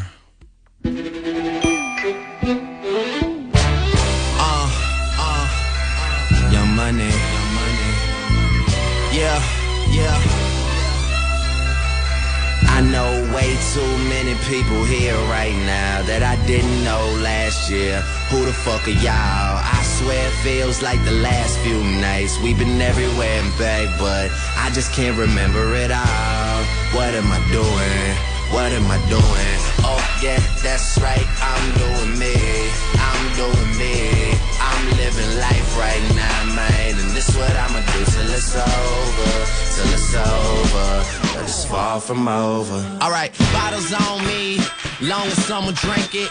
Never drop the ball. Fuck it, y'all thinking. Making sure the young money ship is never sinking. About to set it off in this bitch Jada Pinkett. I shouldn't have drove. Tell me how I'm getting home. You too fine to be laying down in bed alone. I teach you how to speak my language, Rosetta Stone. I swear this life is like the sweetest thing I've ever known. About to go thriller Mike Jackson on these niggas. All I need's a fucking red jacket with some zippers. Super good Smitto, a package of the swishers. I did it overnight, it couldn't happen any quicker. Y'all know them. Well, fucking me either. But point the biggest skeptic out, I make him a believer. It wouldn't be the first time I done it, throwing hundreds when I should be throwing ones. Bitch, I run it. I, I know way too many people here right now that I didn't know last year. Who the fuck are y'all? I swear it feels like the last few nights. We've been everywhere and back, but I just can't remember it all. What am I doing? What am I doing? Oh yeah, that's right, I'm doing me.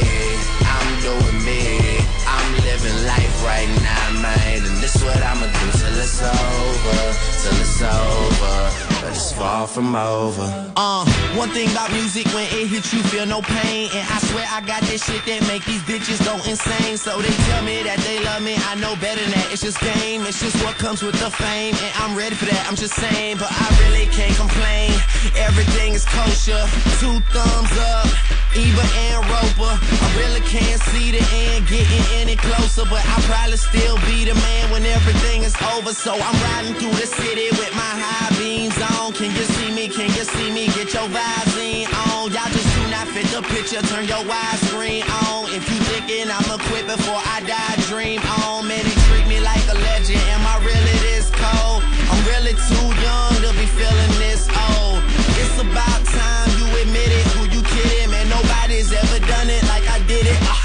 Know way too many people here right now that I didn't know last year.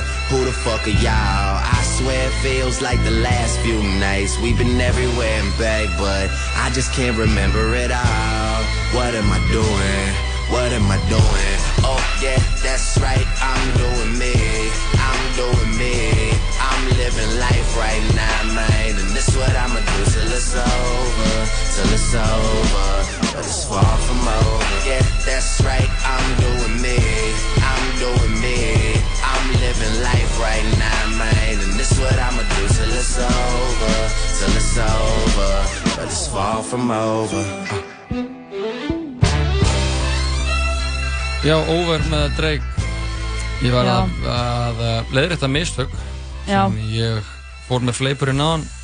Var að tala um að þetta væri lag með, með Kanye og Lil Wayne og Eminem líka.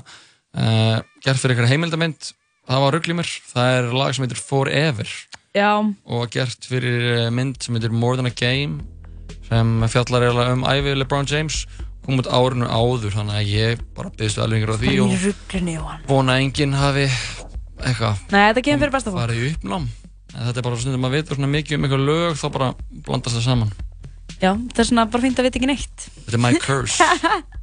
En uh, hérna eftir örskamastund þá ætlum við að fá til okkar hana Jónu Þóri já, sem að, já, hún tók við verðlunum frá Amnesty International þarna fyrir hvað nokkrum dögum og og voru þau að gefa ymsum svona félögum þar meðal SAI um, viðkenningu sem að kalla samvisku sendiherrar Mhm. gáði SAI, Hvað er uh, SAI? LIS SAI bara stunda stundaráð eða hvað, hvað er þetta? Háskóla Íslands já. og eh, LIS, UU og SIF sem er uh, íslenska framhaldsskóla þannig að þetta er um, flott Mhm, og þetta er svona já, þessi samvinsku sendiðara um, þessi viðurkenning, hún er sérst gefin svona til þeirra sem hafa já, verið svolítið að taka átt í barðunni gegn loftlags uh, váinni Mhm. Eða vonni Vonni, um, og svo morgun þá er loftlagsverkfall allsherjar loftlagsverkfall Já, það hefst á morgun Það og, það mun, og það er sko verið að halda upp á það alveg í heila viku sko. Mhm. þannig að við mælum með að fólk uh, leggja þessu málum með lið og, og veitið í aðtikli hvað er að gera náttúrunni og hvað Já. hvert jörðin er komin við erum eiginlega bara á, á sko, eins og við myndum segja on the final frontier Einmitt. uh, en það er byrjun að 50 dagur það er 40 að 50 dagur og uh, þá stundum fer ég í svona sögulega sögulega staðrendir Einmitt. og uh, ég ætla að hatta hvort ég ætla að fara smá í það sem gerast á þessum degi Þú bara endilega ég er mjög til í það er það ekki? Jú.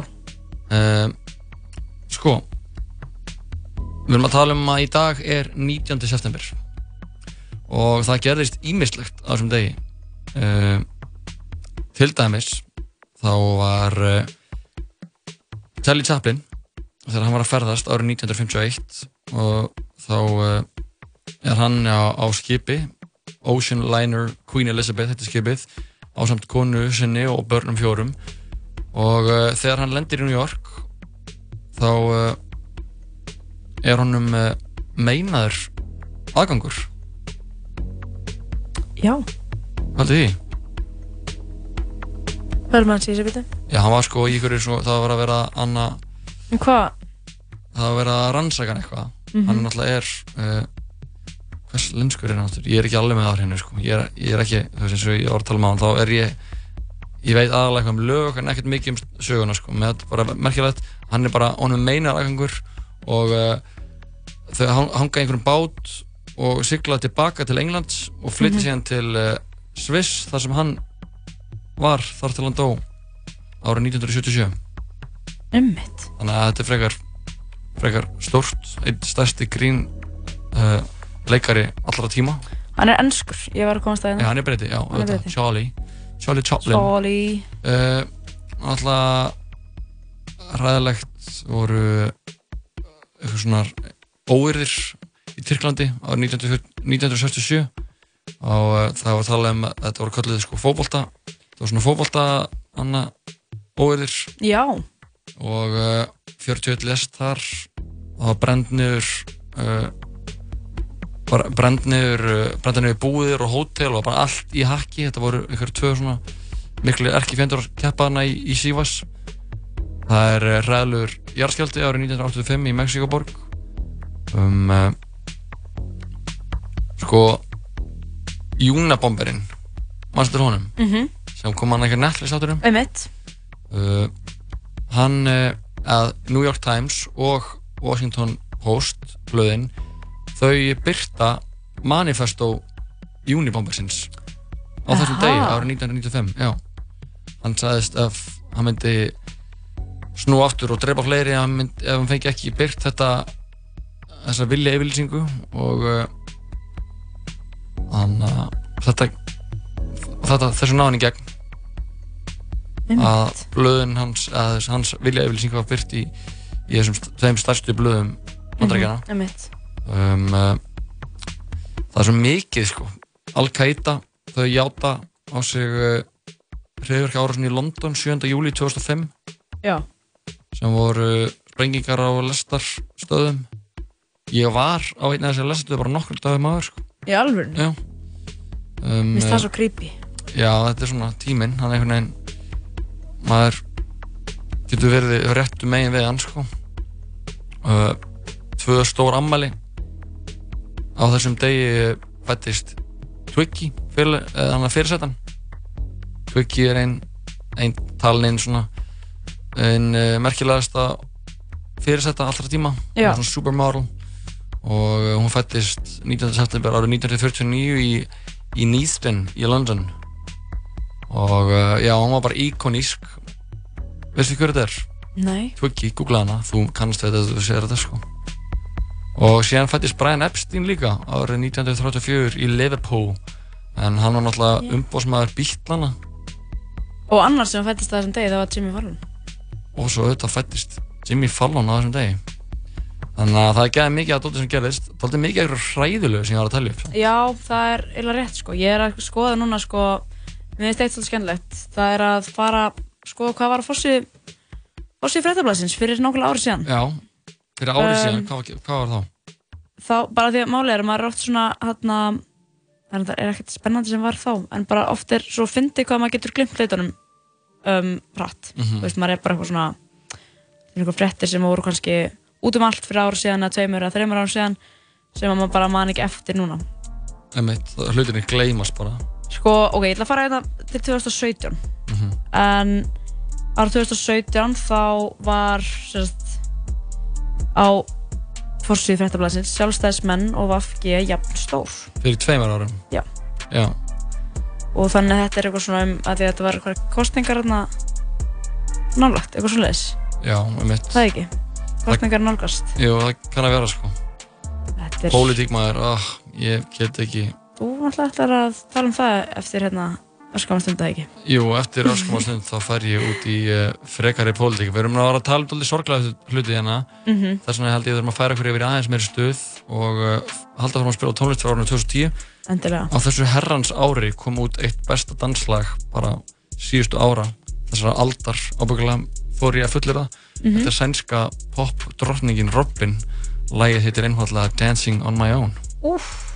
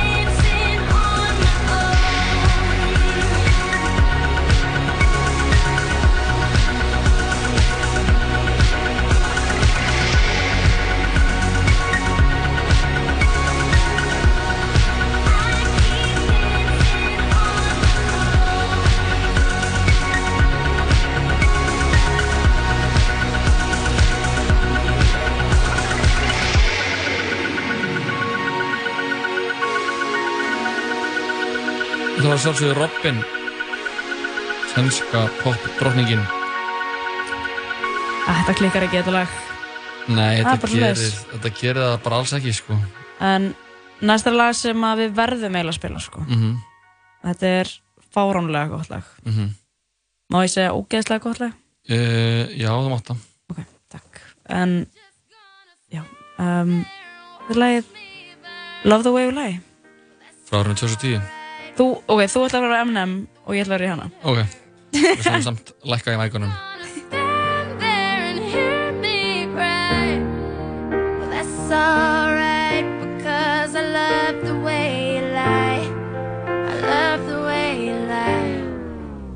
I can't tell you what it really is. I can only tell you what it feels like. And right now it's a steel knife in my windpipe. I can't breathe but I still fight. While well, I can fight As long as the wrong feels right.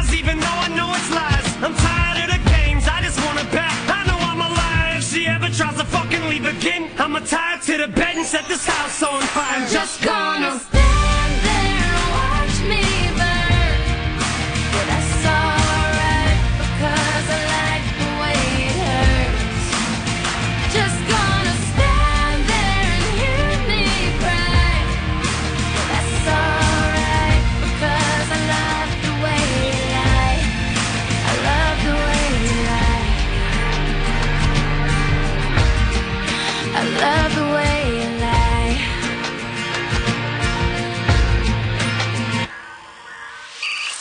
Fylgist með okkur á Twitter og Instagram at 101liferadio Big Trouble er nýr, stór og sterkur sérborgari á American Style.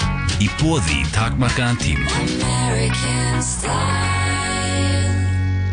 Hvaða ár var tvöfaldur latte síðast á 350 kall? Morgunbollin frá Joe and the Juice á laugavegi og nýjum stað á Hafnartorki. Alla daga frá 8 til 12.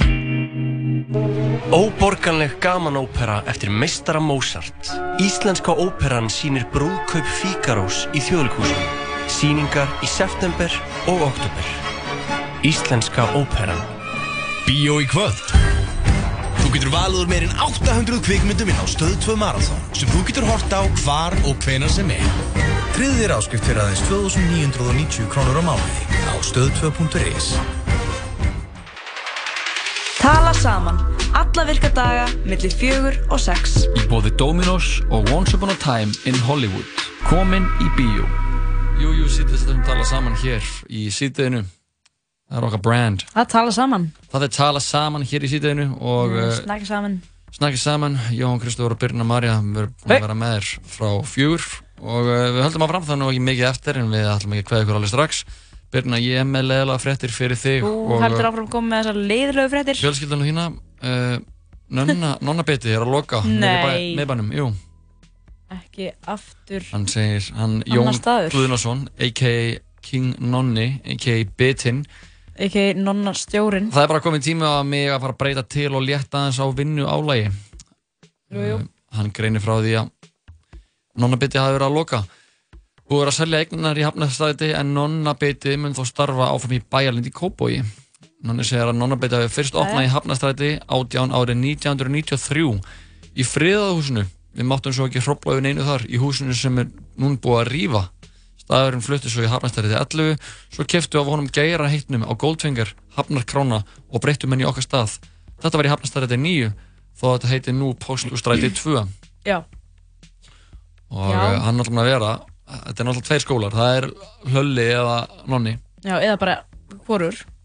uh, nei, svona, þetta er, þetta er skil, Eða, eða eitthvað annað. nei, nei, þú þetta er svona, Ég vil ekki setja mig í bara þessar flokkar, sko. já, það er þú, Nei, munt, ég- þú þarft að gera það, þú þarft að velja Nei, annarkvært, hva- Hvorum meginn er þú? uh, ég er Nonna megin Nonna meginn lífinu. já, ég er Nonna megin lífinu En ég, þetta er alveg rétt, sko. Þetta er skiptist í svona, það er fylkingar. það er bara Íslendingar Já. annarkvært ertu, Nonni eða Hlölli Einmitt. Ef að, hérna, já, ef þetta er ekki skil hvor, hvoru, hérna, hvort það er með fleiri. uh, Hlölli, það er náttúrulega fleiri stöðum Lolli. Já. Lolli, ég myndi segja að þú væri Hlölla Pía Nei, ég veistu, ég er það ekki, sko. ég myndi segja að þú væri svona Hlölla Drottning Nei, Jú, ég aðeins held að- meira.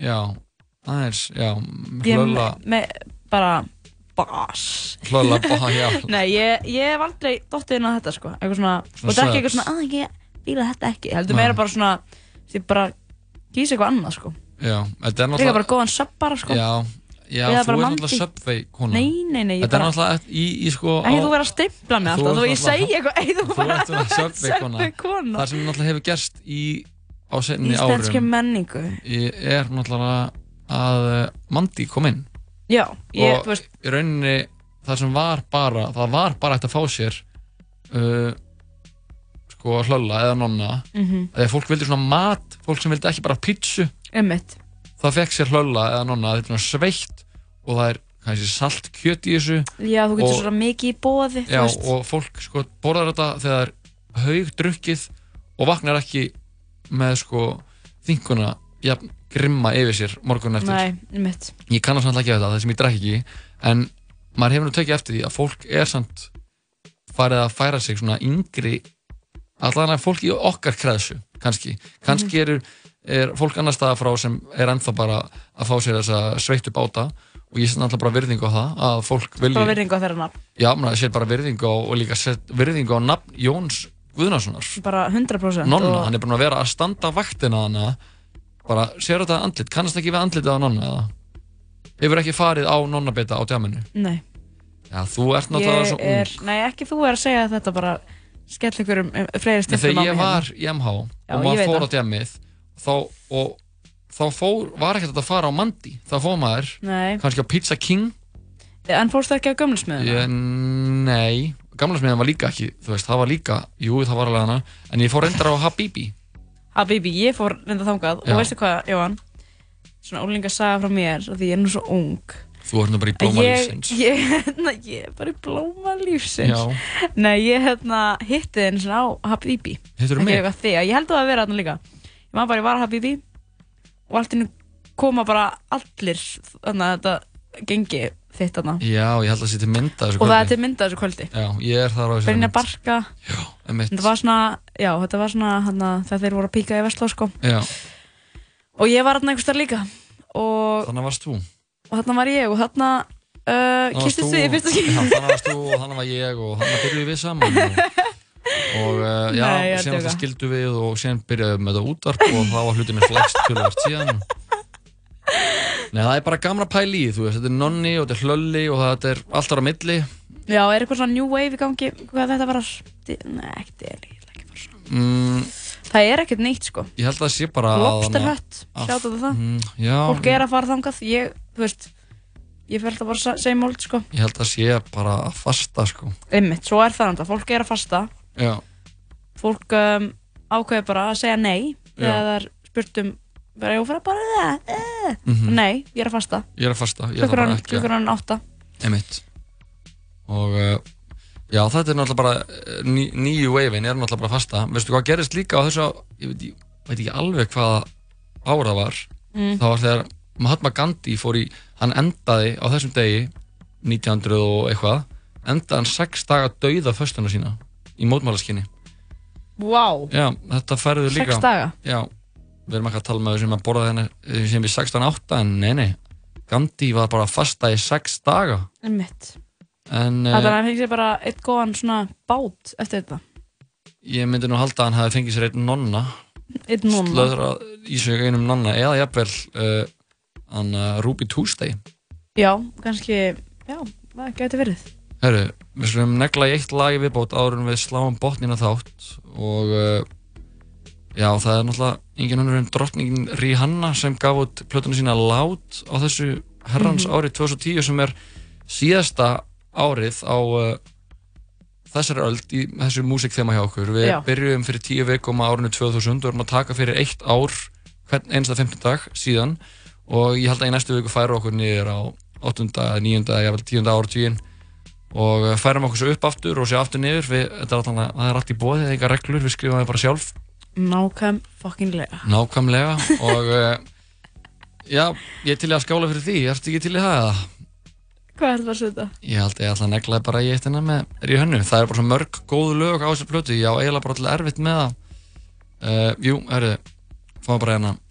Þetta er uh, Drake og uh, Rihanna, lagið heitir What's My Name? What's my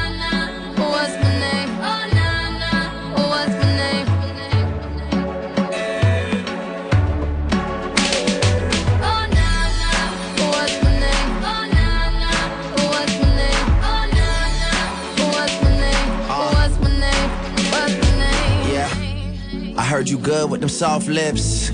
Yeah, you know word of mouth. The square root of 69 is 8 something, right? Cause I've been trying to work it out. Ah, good weed, white wine. Uh, I come alive in the nighttime. Yeah, okay, away we go. Only thing we have on is the radio. Oh, let it play. Say you gotta leave, but I know you wanna stay. You just waiting on the traffic jam to finish, girl. The things that we can do in 20 minutes, girl. Say my name, say my name. Wear it out. It's getting hot, crack a window, air it out. I can get you through a mighty long day. Soon as you go, the text that I write is gonna say.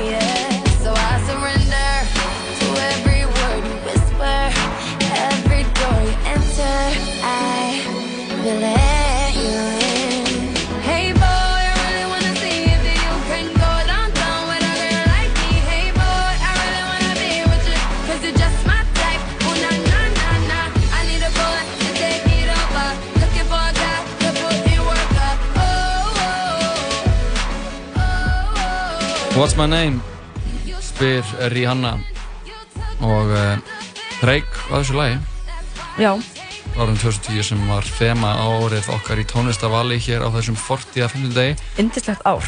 Indislegt ár, geggja mikið af skemmtilegri tónlist Ég myndi að segja að þetta var eitt sterkasti eitt sterkasta árið þingar Já, til þetta er sko. búið að vera allavega svona erfiðasta vali, sko, að velja Já, það er bara svo mikið að að koma lögum. Stundum er maður alveg svona, að já, eitthvað. Mm, Pæltið, heldur þetta verði ekki erfiðar að næsta ef við förum aðna aftar, aftur í tíma. mm, Kannski. Jú, það kann, Já. kann alveg vera. En uh, við þá fótt ég að 15 hjá okkur í dag hjá okkur Byrnu Lóa er uh, statt fjari góðu gamni er í Sviss. Og Byrna á sælskóla að koma hérna og að vera með þér dag Byrna Já, sumulegis, þetta er alltaf fyrir gaman. Alltaf gaman útarpinu Alltaf og gaman að gaman að, vera fá hérna. að spila músík fyrir ykkur kæra lusendur. Það var skemmtileg þáttur hjá okkur í dag. Við fengum til okkar uh, hanna, vinkun okkar frá uh, Riff, hún uh, Jenny Kristín. Jenny, já.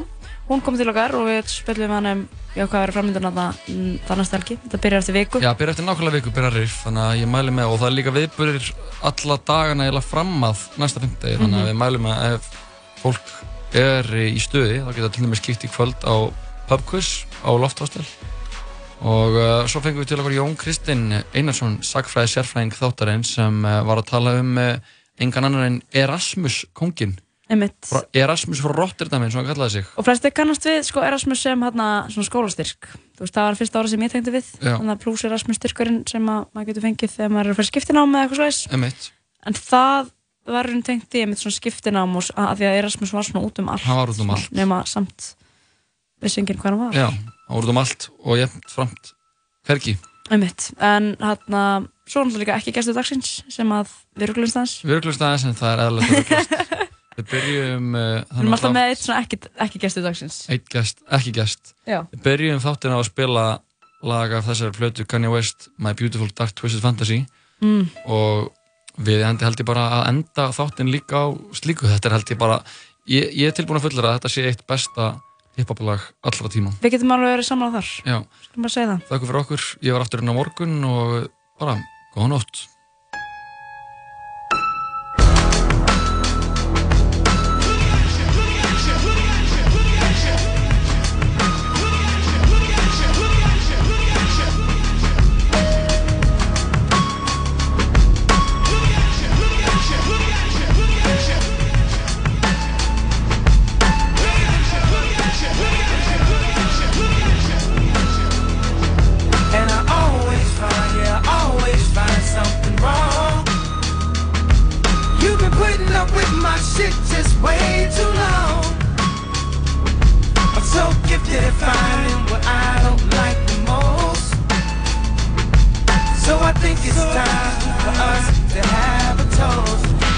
toast for the douchebags. Let's have a toast for the assholes. Let's have a toast for the scumbags. Every one of them that I know. Let's have a toast for the jerkos. Gotta never take work off. Baby, I got a plan. Run away fast as you can. Find pictures in my email. I sent this bitch a picture of my dick. I don't know what it is with females, but I'm not too good at that shit. See, I can have me a good girl and still be addicted to them hood rats. And I just blame everything on you. At least you know that's what I'm good at. And I always find, yeah, I always find, yeah, I always find something wrong. You've been putting up with my shit just way too long. I'm so gifted at finding what I don't like the most. So I think it's time for us to have a toast. Let's have a toast for the douchebags. Let's have a toast for the assholes. Let's have a toast for the scumbags. Every one of them that I know. Let's have a toast for the jerkos. Gotta never take work off. Baby, I got a plan. Run away fast as you can.